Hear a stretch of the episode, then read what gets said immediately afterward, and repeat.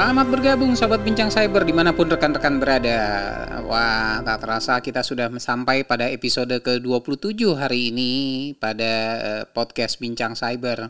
Pada kesempatan kali ini kita akan banyak membahas mengenai hal-hal seputar data privacy. Uh, Data privacy mungkin kalau saya boleh sebutkan sebagai pengantar ini biasanya ada juga yang menyebutkan sebagai uh, informasi privacy Nah, ini bagian dari aspek teknologi informasi yang seperti kita ketahui bahwa data dan uh, ataupun informasi ini uh, ada kaitannya dengan dua entitas. Yang pertama, korporasi atau perusahaan atau organisasi.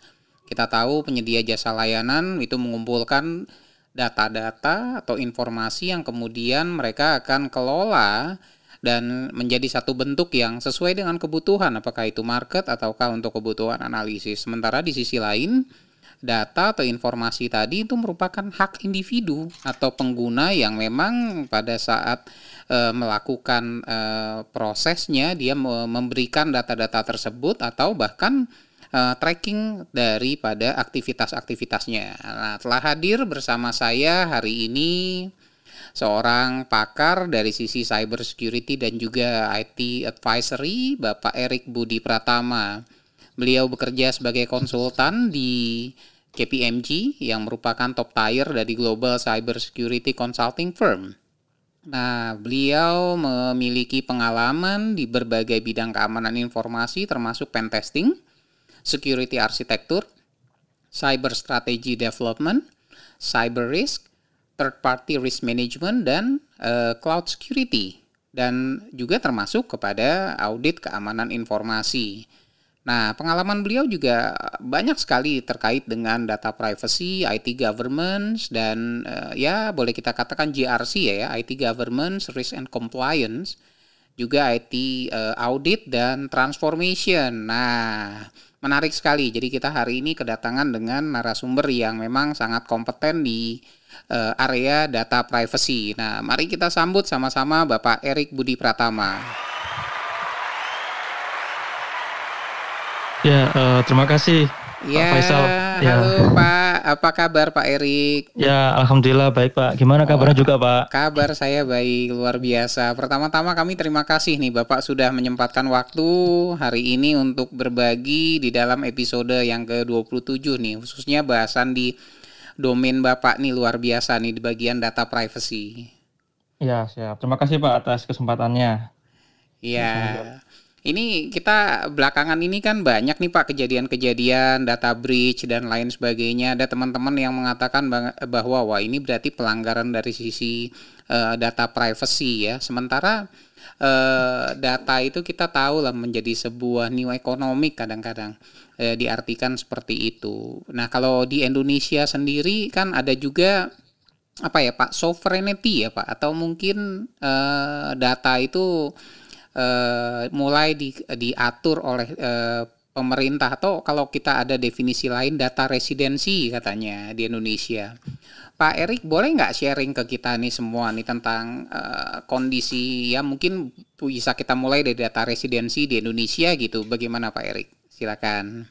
Ya, baik terima kasih Pak Faisal. Jadi saya akan coba mungkin jelaskan secara singkat karena sebenarnya kalau kita melihat historinya untuk data residensi ini sebenarnya ya ada beberapa, hal yang perlu kita notice gitu. Jadi kalau di tahun 2008 kita mengenal ada namanya Undang-Undang ITE, Informasi dan Transaksi Elektronik.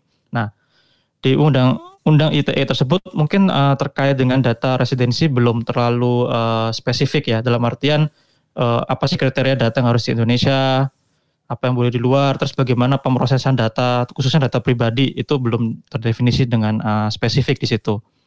Nah, uh, oleh sebab itu nanti pada tahun 2012 itu kita juga mengenal ada namanya peraturan pemerintah PP nomor 82 itu terkait dengan sistem dan transaksi elektronik.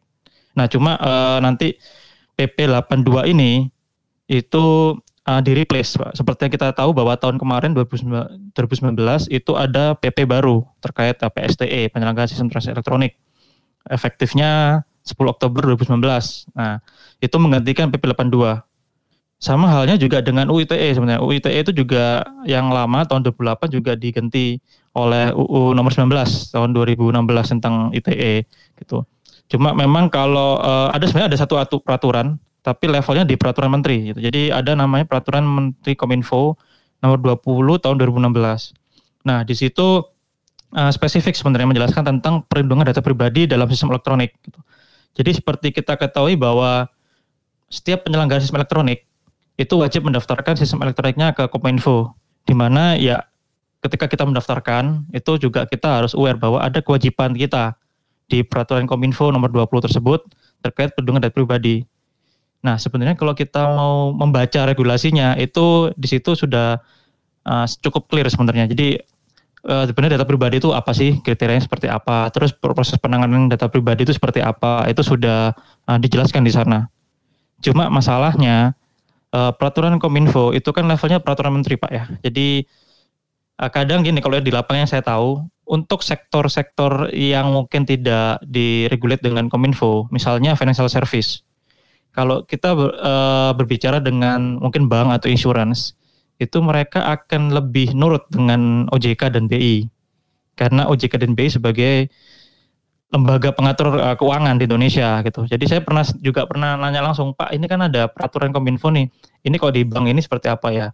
kita kan ke OJK mas gitu jadi OJK bilang apa kita lebih ke OJK gitu nah jadi itu salah satu kasus kenapa sebenarnya peraturan menteri itu uh, masih kurang nah untungnya di tahun 2000 uh, eh, kalau tidak salah 2018 sudah mulai inisiasi sebenarnya ada namanya RUU perlindungan data pribadi nah cuma sampai saat ini itu RUU-nya sayangnya belum disahkan Pak gitu. Nah, saya nggak tahu nih, mungkin dengan kasus-kasus uh, kemarin ada beberapa e-commerce yang terkena data breach, mungkin saja mungkin tahun ini akan bisa disahkan, tapi ya kita nggak tahu gitu karena uh, kondisinya saat ini kan kita sedang ya sedang COVID, jadi mungkin uh, segala peraturan yang di perundangan yang yang draft itu mungkin akan sedikit delay untuk meresmikannya. Cuma ya semoga kasus-kasus yang terjadi kemarin ini itu akan mempercepat itu. Dan juga sebenarnya uh, eh, RUU ini kalau yang saya lihat sendiri itu kalau sebenarnya kita bisa akses Pak. Bisa akses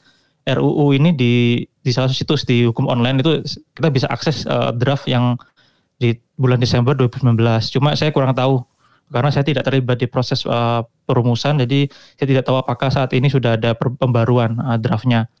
Cuma uh, dari dilihat dari pasal-pasalnya harusnya tidak banyak berubah seperti itu. Oke. Okay. Jadi uh, kira-kira seperti itu sih Pak jurnenya gitu. Jadi dari tahun 2008 sampai 2002 2020 seperti ini. Itu. Nah kalau boleh share sedikit lagi itu sebenarnya kita masih cukup ketinggalan sebenarnya dengan negara lain gitu. Kalau kita ngelihat kayak uh, Malaysia, Malaysia itu tahun 2010 sudah punya Pak peraturan data uh, Personal Data Protection Act. Terus uh, disusul dengan uh, Singapura, Singapura sama Filipina itu 2012 dan juga yang terakhir 2019 itu Thailand. Itu. Jadi kita sebenarnya dibandingkan empat negara ini cukup tertinggal itu. Jadi harusnya ini jadi tahun ini jadi momen momen untuk kita juga punya gitu karena seperti yang Bapak sampaikan tadi bahwa kita ketika berbicara data memang di satu sisi untuk kebutuhan tertentu nih terutama komersil data ini sangat penting gitu karena bisa meningkatkan ya uh, suatu pendapatan bisnis lah gitu dengan kita mengolah data. Tapi di satu, di satu sisi itu ada aspek-aspek terkait data pribadi yang harus diperhatikan gitu. Karena kita sebagai warga negara juga punya hak atas data kita gitu. Data yang kita punya dan di data yang kita yang data kita yang diolah oleh penyelenggara sistem elektronik Kira-kira seperti itu, Pak. Oke, kalau dilihat ini kan jurnenya cukup panjang, Pak. Kalau dari sudut pandang pengamatan Pak Erik sendiri, ini kira-kira kendala dari perkembangan ini sehingga misalnya kita belum bisa memiliki undang-undang terlepas dari bagaimana pemerintah merespon ya. Tapi kira-kira ada kendala yang non governmental issue nggak terkait dengan uh, kenapa undang-undang ini mungkin sampai sampai delay sekian lama gitu di luar dari masalah uh, government. Ya, uh, kalau di masa di luar pemerintah ya, mungkin kalau yeah. saya lihat sebenarnya ini karena kan gini Pak, kalau kita sempat lihat berita di bulan apa ya, itu uh, tahun ini sebenarnya kan ada beberapa RUU yang uh, masuk ke prolegnas ya. Jadi harus uh, yang RUU yang sebenarnya harus segera disahkan. Ada 50 kalau tidak salah. Jadi nggak cuma RUU PDP Pak, jadi ada RUU cyber juga sebenarnya masuk. Cuma hmm. yang jadi masalah adalah di sini masalah prioritas itu. Nah, itu uh, sebenarnya kalau ya pemerintah kan punya prioritas sendiri. Cuma kalau di luar pemerintah sebenarnya uh, dari dari apa ya ke dari sisi praktisi ini sebenarnya dari mungkin sempat saya sebagai praktisi sebenarnya uh, praktek-praktek data privacy ini sebenarnya kita bisa bantu. Jadi kita bisa sebenarnya kita bisa kasih awareness. Cuma masalahnya memang yang saya perhatikan itu orang memang kurang ini Pak uh, yang saya lihat memang kurang adanya semacam publikasi atau awareness yang cukup terkait data pribadi ini gitu. Hmm. Nah, sebenarnya kalau kalau kita bahas nanti sebenarnya kalau kita bahas masalah tantangan implementasi data uh, apa data privacy itu sebenarnya salah satu tantangannya adalah masalah knowledge. Nah, knowledge uh, sebenarnya data pribadi itu seperti apa sih gitu. Apa sih yang dibilang data pribadi gitu. Terus uh, proses mengolah data pribadi yang proper itu seperti apa gitu. Nah, yang jadi challenge juga adalah uh, kalau bapak mungkin kalau bapak misalnya uh, saya sebenarnya saya, saya jarang belanja sih online. Cuma kalau misalnya bapak coba belanja online atau mungkin sempat uh, melihat uh, gini, kalau kita sign up ke satu uh, website itu kan pasti ada terms and condition, pak ya. Ada syarat-syarat terkait uh, persyaratan sebelum kita menggunakan layanan. Nah, kebetulan uh, beberapa saat lalu saya sempat ya coba baca-baca jadi jadi terms and condition beberapa e-commerce dan juga termasuk bank juga layanan internet banking, mobile banking itu memang apa ya sebenarnya dari terms and condition sendiri dari perusahaan itu mereka memang terkesan terkesan itu uh, melempar tanggung jawab terhadap uh, ke, ke customer gitu. Jadi seolah-olah memang customer tidak punya banyak kuasa gitu. Dalam artian gini Pak, misalnya di term and condition, term and condition biasanya itu ada klausa force major biasanya. Oke. Okay. Uh, ya itu biasanya itu yang jadi klausa yang sebenarnya jadi potensi bisa merugikan customer karena biasanya di situ itu uh, kebanyakan statementnya itu menguntungkan satu pihak saja gitu. Mm -hmm. ini satu pihak pihak yang memberikan layanan elektronik gitu. Jadi kayak ada, ada salah satu e-commerce saya baca kemarin kebetulan di satu grup itu sempat dibahas sedikit. Saya juga kaget juga karena saya jarang-jarang belanja online. Saya coba baca. Itu ternyata memang ada klausul-klausul yang cukup sensitif buat kita sebenarnya. Contohnya ada klausul ketika terjadi misalnya pelanggaran terkait data segala macam itu mereka lepas tanggung jawab. Itu clear, Pak. Gitu. Hmm. Ada salah satu e-commerce seperti itu. Di e-commerce yang lain mungkin masih ya mirip-mirip tapi lebih lebih ringan seperti itu. Saya nggak mau sebut namanya, cuma iya, itu iya, iya. saya waktu okay. baca, waduh, ini kok strict seperti ini Pak. Jadi ketika ada kasus seperti kemarin misalnya itu juga se sebenarnya e-commerce secara secara term condition itu mereka bebas lepas tangan sebenarnya. Sebenarnya. Cuma nanti kan uh, ada hal-hal lain yang jadi concernnya customer. Kita misalnya kita sebagai pelanggan di sana wah data kita di ini nih kena bridge misalnya, mm-hmm. ya kita berat dong menuntut seperti itu karena memang ini Pak saat ini tidak ada undang-undang spesifik mengatur kalau data bridge itu nanti seperti apa treatmentnya itu belum. Nah itu uh, secara uh, summary itu sudah disebutkan di peraturan Kominfo nomor 20 tadi. Jadi di Kominfo nomor 20 dia sebenarnya sudah menyebutkan uh, masalah uh, pelanggaran data tadi itu sudah ada gitu. Cuma memang untuk sanksi masih belum tegas seperti itu. Nah, untuk yang kasus mungkin ada kasus-kasus yang kemarin itu mungkin beberapa perwakilan customer melakukan penuntutan. Itu pun juga mereka mengambil uh, undang-undang yang sama. Jadi peraturan Kominfo nomor 20 jadikan acuan. Nah, selain itu, itu ada undang-undang lain yang kita harus aware, ada undang-undang perlindungan konsumen. Nah, mereka juga mengambil itu juga gitu. Nah, ketika nanti ada undang-undang data pribadi itu udah disahkan, sebenarnya nanti itu bisa jadi acuan utama Pak.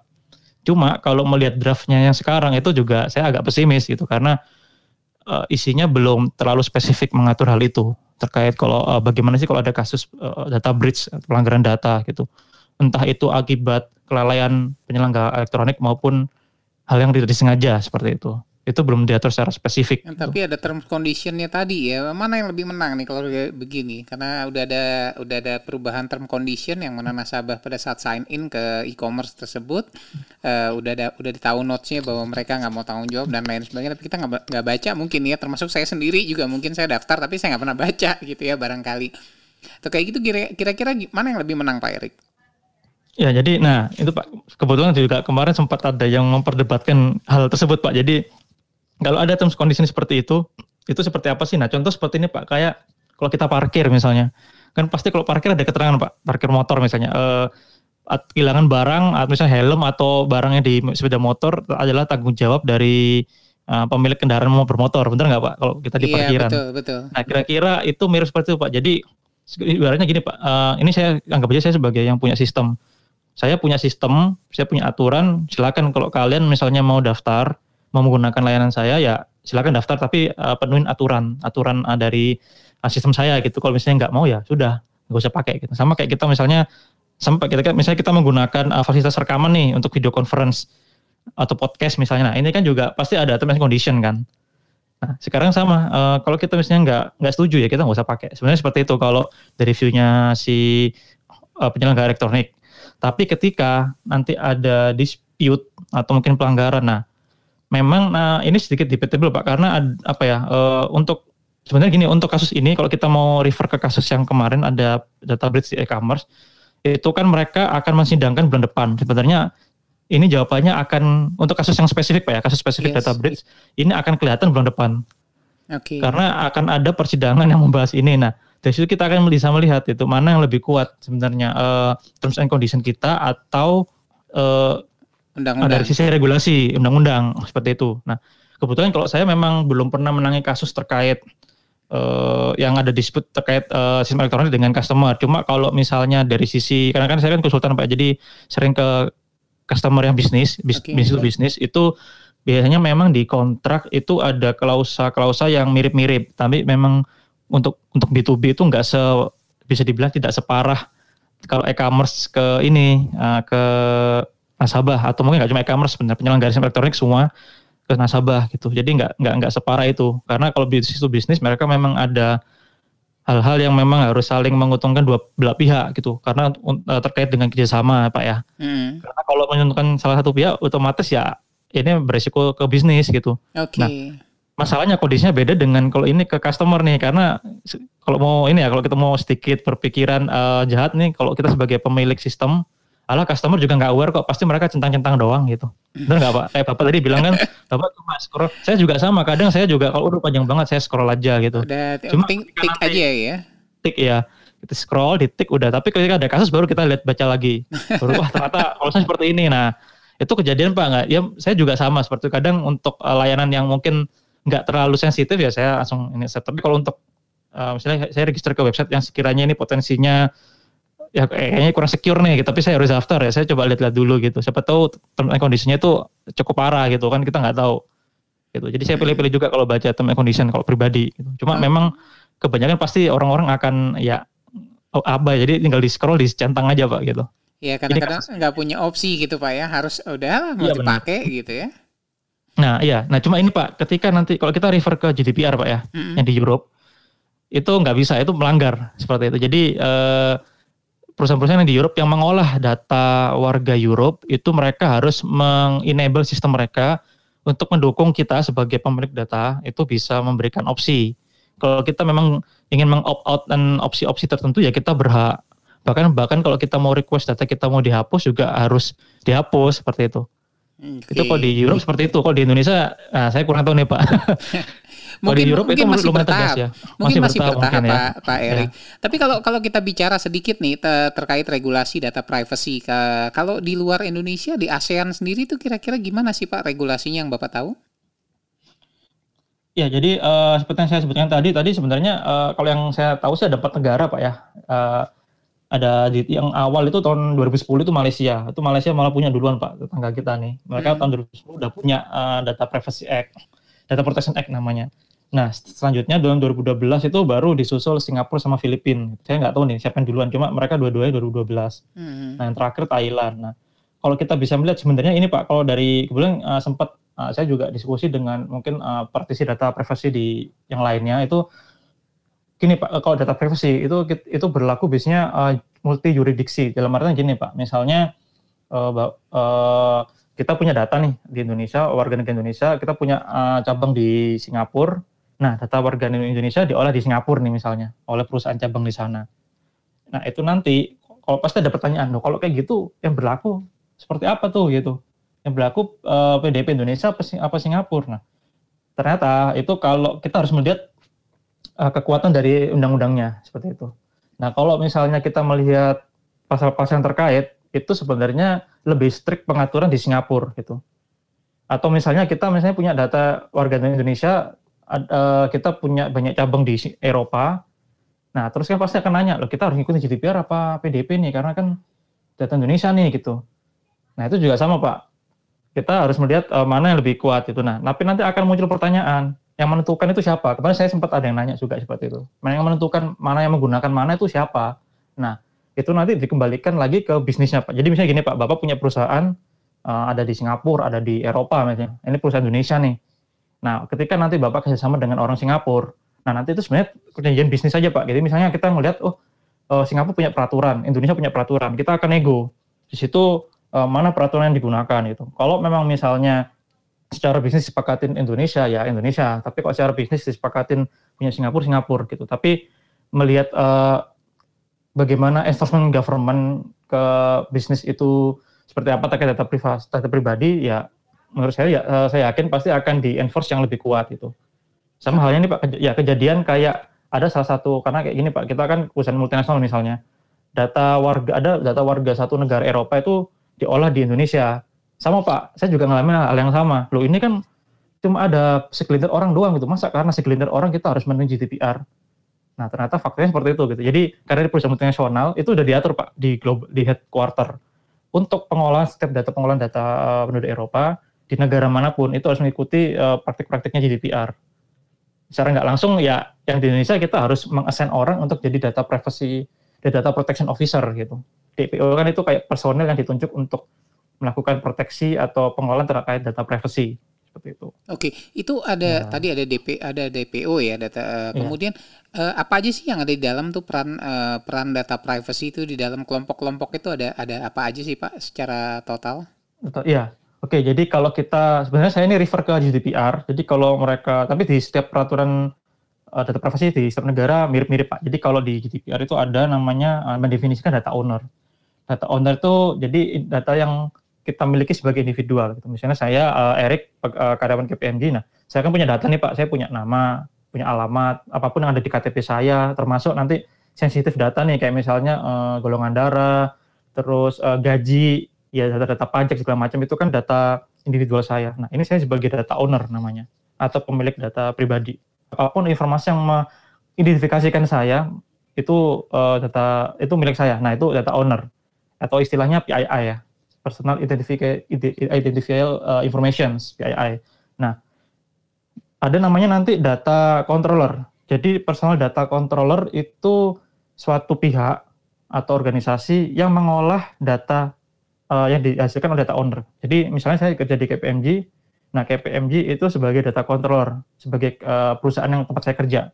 Gitu. Jadi kalau misalnya Bapak sebagai uh, misalnya Bapak kan juga mengajar misalnya di kampus, nah kampus itu itu sebagai data controllernya. Bapak sebagai data owner, sebagai pemilik data. Nah, data controller itu gampangannya memang organisasi yang mengolah data kita gitu. Dalam kaitan kita sebagai karyawan maupun uh, kaitannya dengan keperluan-keperluan tertentu yang diatur dalam suatu kontrak seperti itu. Nah, kalau data ada lagi ada terminologi data prosesor Pak. Data prosesor itu sebenarnya satu pihak yang on behalf data controller itu mengolah data pribadi. Gitu. Jadi misalnya uh, saya menjadi KPMG, KPMG sebagai data controller, KPMG bekerja sama dengan uh, pihak ketiga misalnya terkait uh, kebutuhan tertentu. Nah, dalam kerjasama tersebut uh, mereka membutuhkan informasi terkait karyawan KPMG misalnya. Nah, pihak ketiga tadi itu bisa dibilang data prosesor gitu. Jadi mereka dengan kebutuhan tertentu yang diatur dalam uh, ketentuan kontrak tertentu itu mereka bisa mengolah data kita. Seperti itu data prosesor. Nah, tentunya baik data controller maupun data prosesor ini nanti memiliki peran yang yang masing-masing yang uh, punya kontribusi untuk perlindungan data pribadi gitu. Jadi data. Jadi sebenarnya kalau kita melihat GDPR maupun nanti di draft RUU perlindungan data pribadi Indonesia itu data controller dan data processor itu ada sectionnya Pak. Jadi di situ nanti diatur tuh hak dan kewajiban data controller processor itu apa ya termasuk data owner juga itu diatur. Nah yang terakhir itu yang umum ada itu ada namanya data protection officer DPO. Jadi DPO ini bisa dibilang uh, semacam data kustodian. Jadi uh, personel atau tim yang ditunjuk oleh data controller untuk bisa memproteksi data. Jadi misalnya Bapak bekerja di perusahaan punya data privacy program nih. Jadi uh, karena misalnya oh ternyata kena impact ke GDPR. Nah, karena kena impact GDPR maka Bapak harus assign satu individu atau mungkin tim baik itu yang dedicated maupun yang ya mungkin secara fungsi mengatur hal itu itu mengolah data pribadi dalam kaitan mengolah itu tidak hanya memproteksi Pak. Jadi uh, DPO itu tugasnya misalnya kita ingin melakukan ini, misalnya kita ingin punya aplikasi baru nih, oh, aplikasi baru ternyata ada membutuhkan data-data karyawan. Nah, ini peran DPO. DPO harus bisa mendampingin, harus bisa menggait gimana praktek-praktek yang proper untuk uh, mengembangkan aplikasi untuk mengolah yang di situ ada data pribadinya gitu. Nah, nanti mungkin agak di luar ya, masalah di luar key roles ini ada namanya istilahnya data, uh, privacy impact assessment. Nah, privacy impact assessment ini aktivitas yang nanti dilakukan oleh DPO salah satunya untuk mengidentifikasi kira-kira aplikasi yang akan kita yang akan kita buat itu sejauh mana impact-nya terhadap data privacy seperti itu. Jadi uh, itu harus identifikasi. Sama kayak kita kita mau ini Pak, kalau kita di security kan ada istilahnya uh, pref, uh, security by design Pak. Jadi kita harus memastikan bahwa security ini bisa masuk ke segala lini, termasuk kalau ada istilah left uh, shift left. Jadi security kok bisa mulai dari depan sampai belakang. Nah, itu sebenarnya sama konsepnya. Jadi privacy impact assessment itu dilakukan di PO untuk bisa mengakses uh, kira-kira potensi mana sih di, di satu siklus pengembangan maupun di aplikasi itu yang bisa uh, mengandung atau ber, ada risiko terkait data pribadi. Nah, kira-kira di situ Pak rules-nya. Nah, ya. kalau kalau poin-poin pentingnya Pak terkait sama PDP ini sendiri, mungkin apa yang nah, mesti di-highlight dari beberapa kelompok ini atau mungkin kondisi yang ada? Oke, okay. Jadi gini Pak, kalau di PDP itu sebenarnya uh, banyak fokus mengatur data controller sama data processor. Nah, sebelum saya bahas itu, jadi gini Pak, saya pengen kasih awareness bahwa sebenarnya kalau setelah undang-undang ini disahkan, anggap aja misalnya tahun ini nih Pak, di situ kalau memang belum diganti pasalnya, di situ di state bahwa uh, undang-undang ini efektif dua tahun setelah disahkan. Jadi ketika RUU PDP ini disahkan tahun ini misalnya, jadi tahun dari tahun 2020 sampai 2022 itu perusahaan-perusahaan itu harus uh, memenuhi prinsip-prinsip perlindungan data pribadi yang diatur di undang-undang ini. Seperti itu. Nah, uh, termasuk uh, banyak hal, termasuk misalnya terkait pelaporan, terkait pengolahan data pribadinya, itu harus di notice di situ. Nah, yang perlu dilihat itu apa di sini? Kalau kalau semoga aja belum berubah nih. Kalau, kalau belum kalau belum berubah, di sini ada beberapa hal yang memang harus di notice. Yang pertama itu masalah ini Pak approval. Jadi sebenarnya data controller itu harus punya explicit approval. Jadi explicit dalam artian ya kita benar-benar sebagai data owner itu mengetahui ini, misalnya Bapak pengen uh, oh data kita pengen digunakan untuk marketing. Ya udah Bapak harus state di website itu bahwa data kita akan digunakan untuk keperluan marketing. Nah, kita harus mengetahui dengan cara misalnya mencentang, mencentang itu kita harus mengetahui. Nah, jadi nggak boleh ada yang disembunyikan di situ. Itu harus ada approval baik dari apa ya uh, personal data yang kita miliki ya. Jadi personal data itu ada dua pak, ada yang general sama spesifik. Cuma saya mungkin nggak jelasin karena agak banyak gitu. Nah baik yang person, yang general maupun spesifik itu harus di approve oleh kita sebelum diproses sebenarnya. Itu yang pertama. Yang kedua itu sebenarnya ada yang ada yang unik. Di RU ini membahas masalah visual data processing. Jadi kalau visual data processing itu berarti data yang diolah secara visual yang umum sih menggunakan CCTV Pak. Misalnya kita lagi ada di tempat publik nih.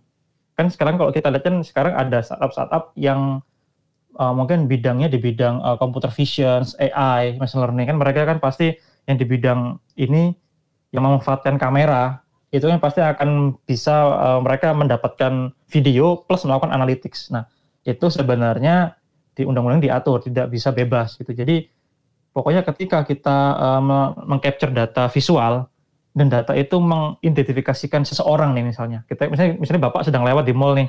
Saya pasang CCTV untuk kebutuhan ya marketing gitu. Bapak saya tangkap nih videonya terus saya identifikasi. Oh, ini Pak Faisal Yahya nih gitu.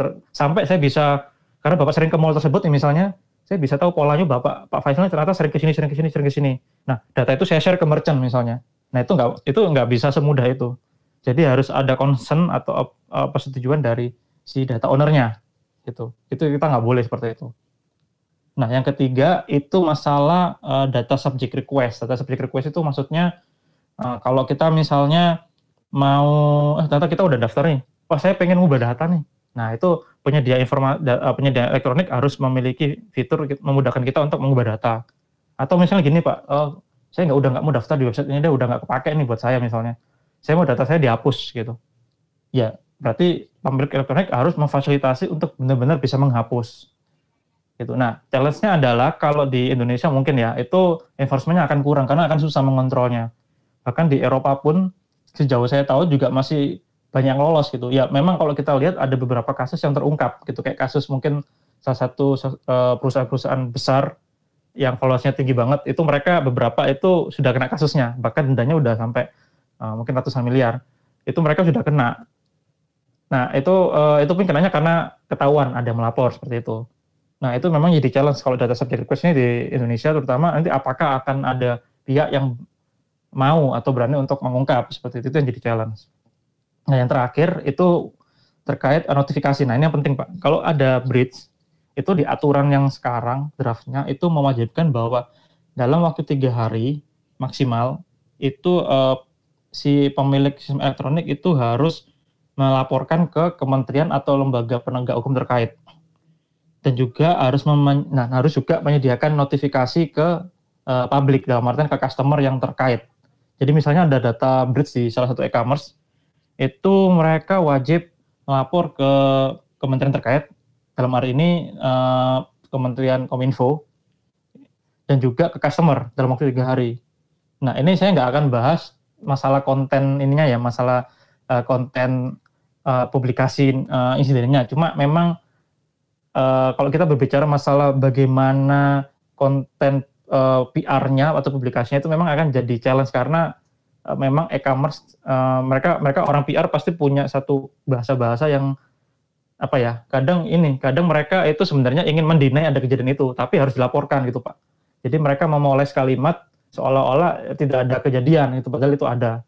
Nah itu yang nanti jadi akan jadi perdebatan kalau memang ini diangkat ke hukum karena kan aturan jelas nih data kontrolernya which is ini yang sistem elektronik e-commerce ini mereka harus melaporkan ke kementerian dan publik kan biasanya kita dapat email telah terjadi bla bla bla. Nah, itu notifikasi itu kontennya itu kadang uh, itu nggak akan jadi nanti perdebatan kok memang ini masuk ke ranah hukum gitu. Karena uh, undang-undang kan mewajibkan hanya hanya menulis oh harus melaporkan tapi kan nggak mengatur kontennya.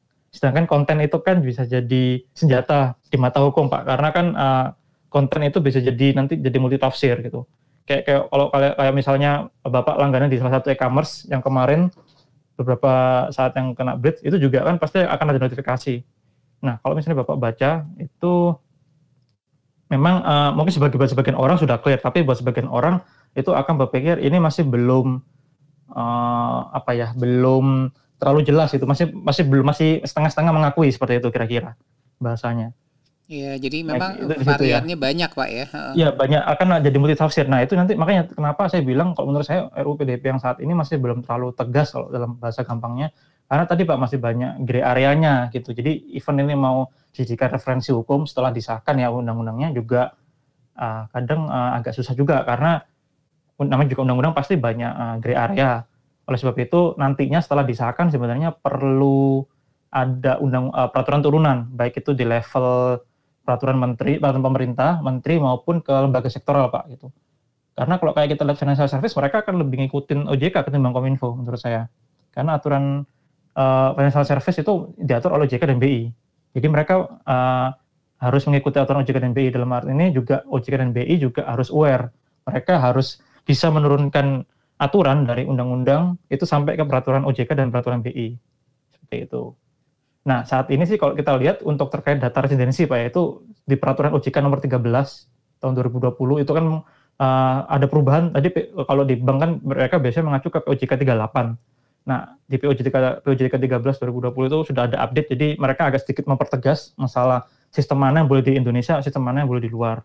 Tapi masih sebatas itu, itu belum sampai ke mengatur ke ranah ini gitu. Nah, harapannya sih kalau undang-undangnya udah ada, udah ada landasan hukum, jadi tahun depan atau mungkin dua tahun lagi POJK atau at, at least di financial, financial sector ini bisa lebih uh, kuat lagi lah terkait data pribadinya. Iya minimal sama lah ya ada common treatment kali ya untuk yeah. semua industri. Jadi umbrellanya juga mungkin sama ya Pak Erik ya. Benar iya. Oke, ini kalau dilihat dari sisi kompleksitas uh, penerapan dari sisi data privacy ini, kira kira-kira apakah ada framework atau best practice yang mungkin tersedia buat memudahkan uh, adopsi PDP ini, Pak?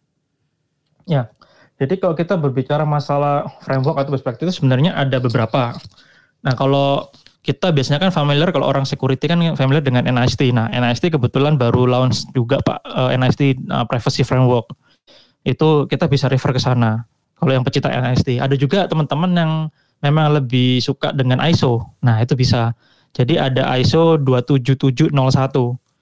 ISO 27701 itu memang dia spesifik mengatur masalah uh, data uh, privacy atau personal data protection itu diatur di sana atau namanya sih privacy information management system. Jadi kalau kita mengenal ISO 27001 itu kan information security management system. Nah, kalau kita ingin mengembangkan sistem yang fokus untuk ke data privacy itu bisa mengacu ke sana, ISO 27701. Atau yang saat ini kebanyakan gini, kalau kebetulan saya kan juga berkecimpung di area cloud security. Kalau saya lihat di cloud provider yang global itu mereka umumnya sudah punya sertifikat selain 27001 itu juga 2700017 itu 27017 itu terkait uh, cloud security. Nah, kalau 270 27018 itu data uh, profesi dalam cloud service itu. Jadi rata-rata kalau untuk provider cloud mereka punya itu 27018. Kalau untuk 27701 saya belum perhatikan belum sih, belum ke sini karena 27701 ini lumayan banyak kontennya.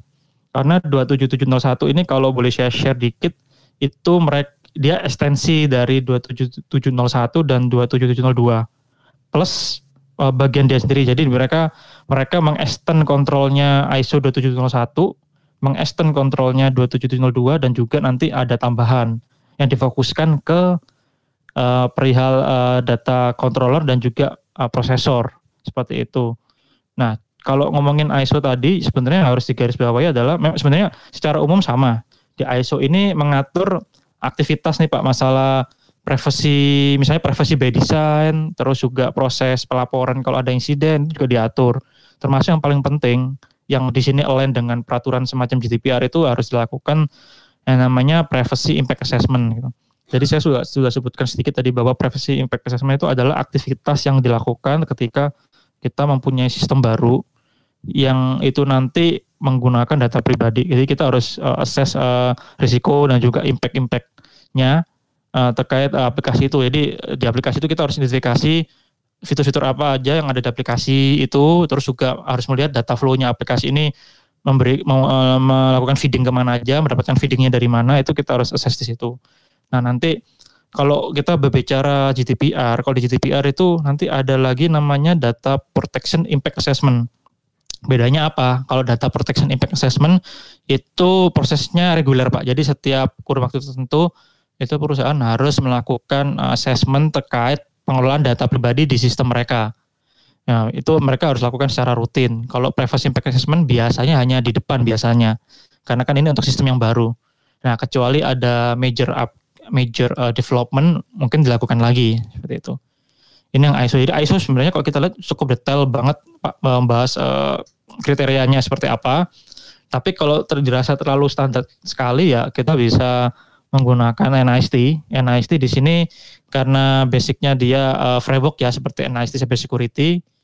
Jadi kalau yang sudah familiar dengan NIST Cyber Security itu kalau ke NIST Privacy ini ya bisanya bisa apa ya bisa lebih mudah untuk menerapkan kontrolnya Pak karena domainnya NIST Privacy Framework ini ada saya lupa satu atau dua domain yang yang sama yang cross gitu. Jadi uh, di NIST Privacy Framework ini hanya menambahkan di sekitar tiga domain kalau tidak salah terkait pengaturan privasi. Jadi kalau di security kan kita mengenal ada proses identify, protect, detect, respond dan dan recover Pak ya.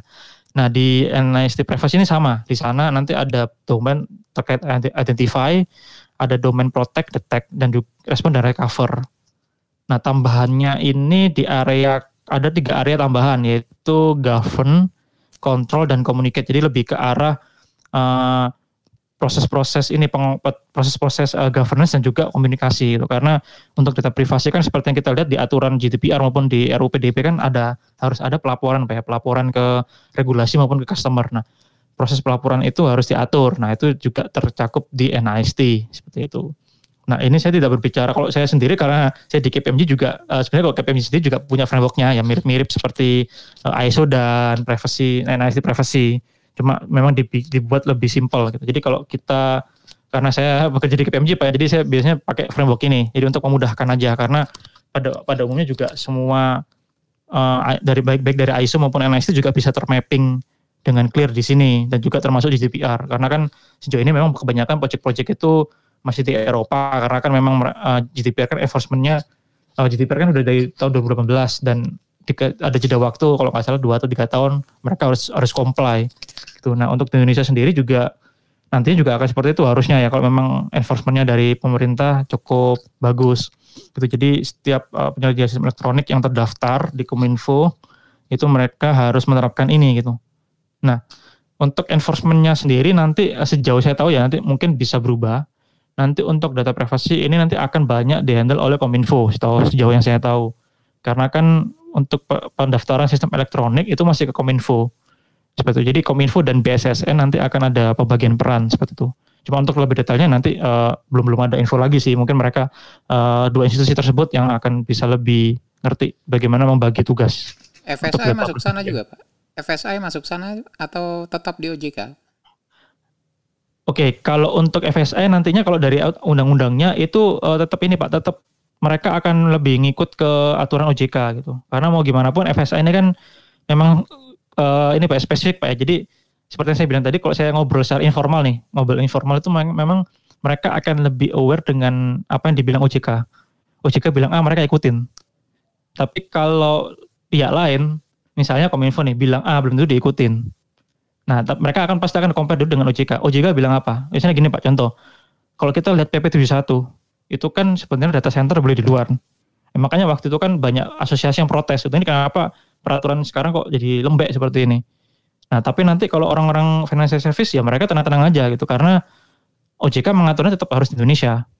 Nah, walaupun nanti di bulan kemarin, bulan saya lupa Februari atau Maret itu keluar aturan baru yang POJK 13 update dari uh, POJK 38 itu mereka bilang uh, ada kriteria tertentu data uh, jenis sistem elektronik mana aja yang boleh di Indonesia, mana yang boleh di luar.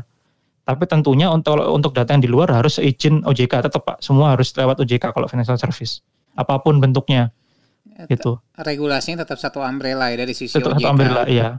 Karena di PUU PDP mereka ada pasal yang menyatakan bahwa untuk sektor-sektor untuk penerapannya itu dikembalikan ke sektor masing-masing. Gitu. Jadi kalau financial service mereka pasti refer ke OJK. Kalau telekomunikasi kan pasti ke Kominfo gitu Pak.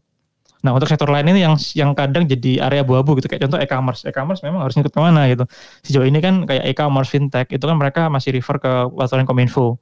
Nah saya nggak tahu nanti kalau setelah undang-undang disahkan apakah nanti reporting lainnya ke Kominfo saya juga belum tahu. Okay. Karena itu nanti tergantung pemerintah mendefinisikan. Iya gitu. betul betul. Ya. Ya ini lumayan kompleks ya Pak ya karena uh, boleh dikatakan ada dua umbrella di sini ya dari sisi OJKBI dengan dari sisi Kominfo ya Pak yang mengatur masalah PDP ini. Tapi kalau ya, kalau over secara overview deh tantangan-tantangannya mungkin atau mungkin kesalahan-kesalahan yang yang terjadi dalam uh, kaitan kepada PDP di sini khususnya mungkin di Indonesia menurut pengalaman Pak Erik bagaimana? Ya, jadi sebenarnya kalau tantangan ya kalau uh, tantangan yang ada itu pertama itu masalah knowledge-nya Pak, pengetahuan gitu. Pengetahuan tentang data personal data maupun sensitif personal data atau data pribadi dan data pribadi khusus itu kadang uh, pertama itu kita yang masih belum belum aware gitu. Bahkan mungkin di satu diskusi juga pernah ada yang mengatakan walah baik itu data pribadi maupun personal data data pribadi khusus ya sama aja gitu. Yang penting kan gimana kita memproteknya ya benar memang. Cuma memang cuma masalahnya nantinya untuk personal data dengan sensitif personal data itu sebenarnya by uh, kalau kita berbicara tata kelola data privasi memang sama, cuma nanti pada prosesnya itu harus ada treatment yang sedikit berbeda gitu karena ini mungkin kalau berbicara di sedikit ke teknis ya. Kalau misalnya sensitif personal data itu kan sebenarnya data yang memang dirasa menurut personal itu sensitif walaupun masalah sensitivitas itu relatif Pak setiap personal cuma undang-undang sudah menyebutkan hal itu. Jadi sebenarnya kalau ketika kita membuat sistem kita harus aware oh data pribadi sama data pribadi khusus itu kriteria seperti ini loh. Nah, untuk data pribadi khusus otomatis treatmentnya pasti lebih khusus kan, lebih lebih apa ya, lebih baik ketimbang data privat data pribadi biasa gitu. Kayak contoh misalnya, oke okay, untuk nama nama nama email gitu. Mungkin untuk nama dan email ya mungkin kalau data pribadi uh, di sistem nggak perlu dimasking misalnya. Tapi kalau yang sensitif nih, yang lain-lain itu kayak misalnya health record data apa data-data kesehatan itu sebenarnya masuk sensitif personal data. Nah, itu kan pasti treatmentnya beda gitu.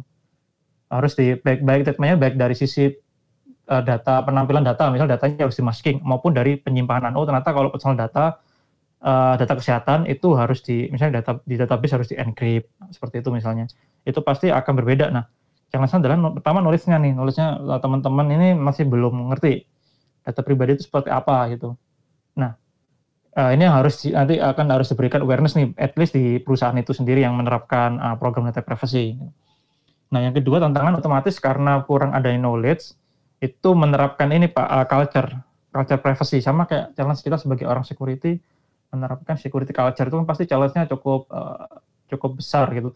Apalagi ini privacy gitu. Merubah habit ya Pak ya? Merubah habit itu susah karena sekarang apa ya kayak kita lihat oh ini Pak kalau mungkin Bapak sempat lihat ada yang sempat salah satu teman yang nge-share hasil analisis data yang di data salah satu e-commerce itu kan kalau kita bisa lihat ya itu terlepas dari flight atau tidak itu ada uh, orang yang mendaftarkan diri menggunakan email kantor dalam hal ini itu email government Pak. Jadi ada go.id domainnya. Gitu. Dan juga ada domain-domain uh, yang lain. Walaupun itu saya tidak tahu apakah valid atau tidak, cuma di yang disajikan waktu itu informasinya itu ada. Nah, ini kan yang perlu di notice gitu. Makanya kalau saya pribadi misalnya kalau contohnya Pak saya mau daftar seminar, ada webinar gratis sekarang banyak Pak ya. Itu saya juga harus lihat nih. Kalau webinar itu partnernya KPMG yang bikin event, itu saya uh, mungkin bisa pakai email uh, kantor karena kan kita memang partner. Tapi kalau yang di luar itu, apalagi kalau kita webinar-webinar yang berhubungan dengan uh, security, dengan hacking maupun blue team itu juga biasanya saya pakai Gmail seperti itu. Jadi kita harus uh, bisa bagi itu. Itu kan kadang yang kurang aware tuh teman-teman. Kadang uh, teman-teman di, di pemerintahan mereka pakai email email kantornya buat ikutan webinar. Padahal webinarnya itu yang mungkin uh, penyelenggaranya yang mungkin uh, apa ya kurang kredibel misalnya atau mungkin uh, acara komunitas. Kalau misalnya kita berbicara komunitas kan uh, pengelolaan datanya kan diserahkan komunitas kan, maksudnya tidak ada uh, lembaga formalnya gitu. Beda kalau misalnya uh, misalnya uh, satu perusahaan nih atau mungkin KPMG membuat event, berarti kan uh, tanggung jawab datanya itu ada di KPMG. Kita uh, berusaha menjaga data dari para uh, peserta yang mendaftar seperti itu. Atau misalnya pemerintah, misalnya Kominfo bikin event webinar uh, nasional Nah, berarti kan tanggung jawabnya akan ada di Kominfo. Nah, itu kan akan, oh, oke okay, ini eventnya Kominfo, which is ini jadi area mereka ya. Oke, okay, saya lebih uh, saya lebih pede lah kalau mendaftar ke sana, walaupun sebenarnya tidak disarankan menggunakan email kantor seperti itu. Itu yang kedua nih, gitu. Yang ketiga itu ini tantangan tadi Pak, yang terkait privacy by design. Jadi uh, sebenarnya karena gini challenge di perusahaan adalah ketika kita berbicara security kadang security aja belum di shift left ya pak ya belum dilibatkan di depan nah apalagi data privacy nah ini sih data privacy ini orang juga nanti akan masih bingung ini oh, kenapa nih udah ada orang security ikutan di proses SDLC kenapa ada data privacy juga? Nah itu yang jadi challenge. Biasanya akan resistance teman-teman development. Seperti itu.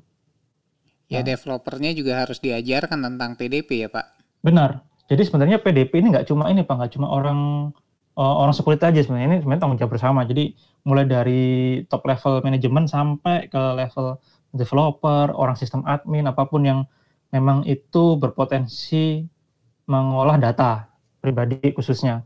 Baik baik karyawan ini Pak terutama teman-teman di marketing tuh kayak gitu. Nah, itu kan mereka kan banyak mengolah data-data untuk pemasaran itu juga perlu dikasih awareness gitu. Tentunya awareness itu akan efektif kalau perusahaan sudah mengatur akan lebih efektif kalau memang udah ada undang-undangnya Pak. Jadi undang-undang, ada undang-undang, ada peraturan pemerintahnya, ada peraturan sektoral, terus dari sisi perusahaan, kebijakan perusahaan mensyaratkan seperti itu.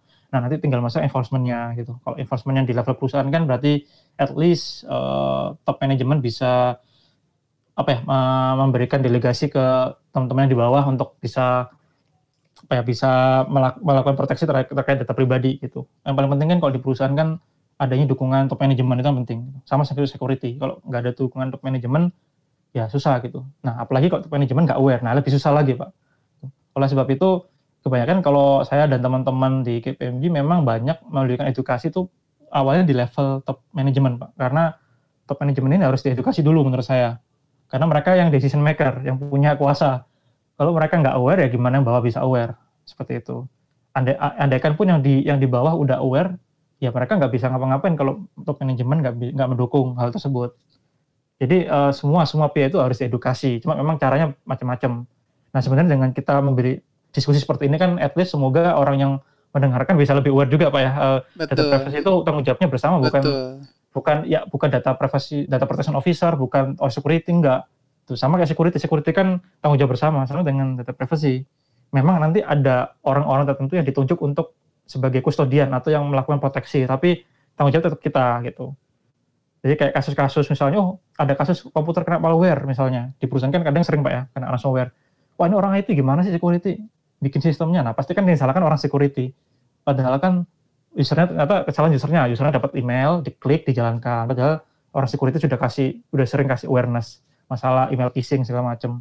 Jadi itu yang perlu perlu di ini. Ah, sebenarnya ada banyak pak, cuma mungkin tiga itu aja kali yang perlu di highlight. Okay. Ya, ada banyak kalanya.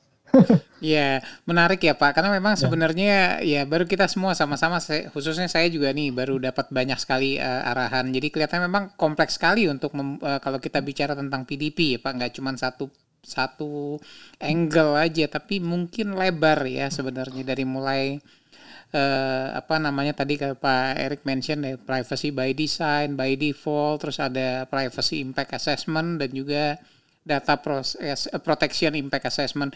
Nah, ini kompleks sekali. Uh, Pak Erik luar biasa ini banyak feedbacknya.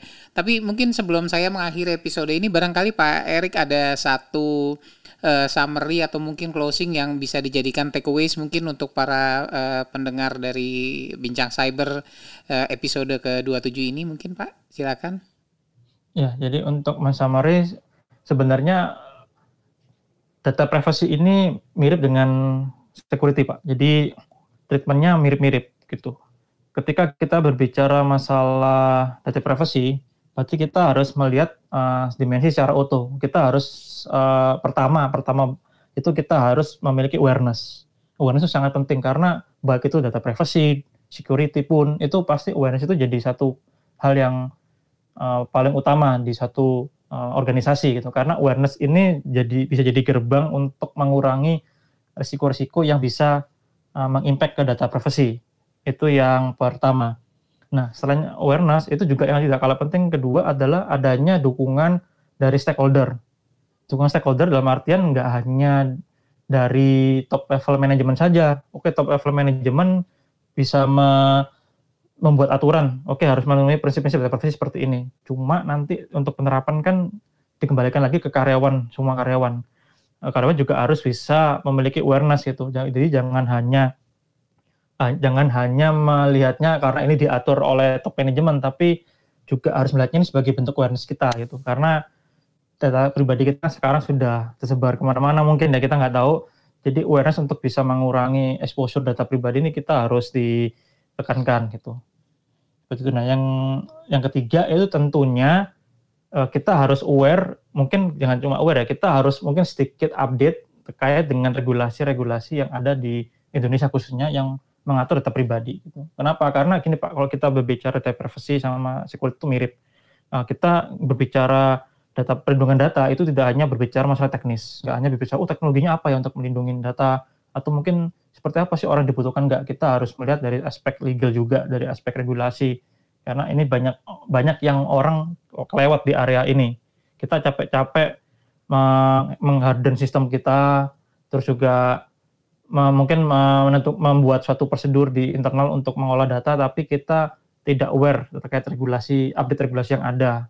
Sedangkan regulasi itu kan di situ ada poin-poin apa yang harus dipenuhi kan. Jadi kita juga harus aware terkait hal tersebut seperti itu. Dan yang keempat itu yang mungkin tidak kalah penting juga itu uh, bagaimana kita membiasakan diri. Jadi seperti kan challenge-nya yang saya sebutkan yang kedua adalah masalah culture.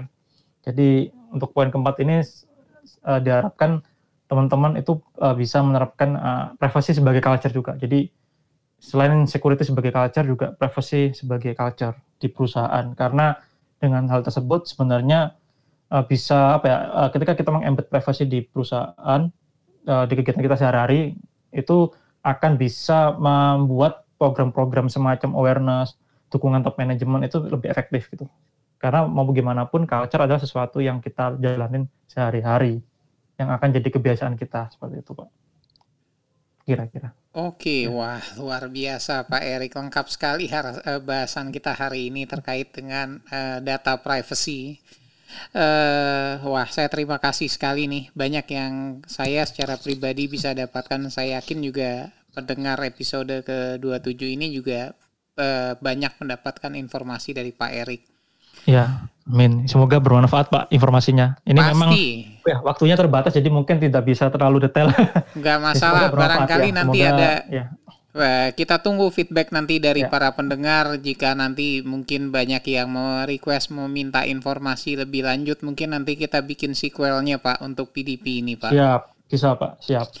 Oke, mungkin uh, ya karena tadi dari sisi waktu nanti kita juga tunggu feedback uh, Baik, eh, sobat bincang cyber, eh, bahasan kita hari ini eh, saya yakin membuka wawasan dimensi baru kita dalam melihat tentang data privacy khususnya di Indonesia. Dari berbagai peraturan dan undang-undang tadi yang sempat di-sharing oleh Pak Erik, eh, baik juga termasuk dengan RUU yang sekarang ini masih dalam proses untuk disahkan. Ya, masih banyak sekali hal-hal yang mungkin uh, pastinya akan berimpact kepada perkembangan regulasi tentang data privacy di Indonesia. Dan tadi dari uraian Pak Erik kita bisa sama-sama mendengarkan bahwa yang dinamakan dengan data privacy itu adalah tidak terbatas kepada sudut pandang uh, perusahaan saja sebagai penyedia jasa. Namun kita juga mendapatkan arahan bahwa peranan pemerintah dalam sebagai regulator dalam mengatur harus informasi ini khususnya dalam kaitan kepada data privacy juga uh, memegang peranan yang tidak kecil. Uh, at the end kita sebagai pengguna atau pemilik data atau mungkin tadi disebut sebagai data owner mungkin perlu lebih jeli ke depan untuk melihat sejauh mana uh, data data controller dan juga data pro, prosesor tadi untuk mengatur data-data yang sudah tersimpan hal yang menarik tadi di sharing oleh Pak Erik bahwa ada term condition yang diberikan oleh e-commerce e-commerce tertentu yang mungkin boleh dikatakan cukup tidak fair e, melihat kepada data nasabah. Mudah-mudahan ini juga khususnya buat saya sendiri akan lebih berhati-hati untuk membaca term condition yang disediakan oleh e, apa namanya e-commerce dalam upaya mereka untuk melindungi data privacy. Baik, uh, saya rasa ini satu bahasan yang cukup menarik. Uh, saya uh, jika sobat ada feedback bisa dituliskan di dalam website nanti saya akan sampaikan langsung kepada Pak Erik untuk uh, barangkali beliau bisa memberikan tanggapan atau mungkin respon jawaban dari pertanyaan-pertanyaan yang berikan. Oke, okay, sobat bincang cyber, uh, kita sudah sampai pada akhir episode ke-27 kali ini. Uh, saya Faisal Yahya sebagai host Bincang Cyber dan Bapak Erik Budi Pratama sebagai narasumber kita hari ini undur diri dan terima kasih atas uh, perhatiannya dan sudah mengikuti hingga akhir episode ke-27 ini. Terima kasih dan sampai bertemu pada episode uh, Bincang Cyber berikutnya.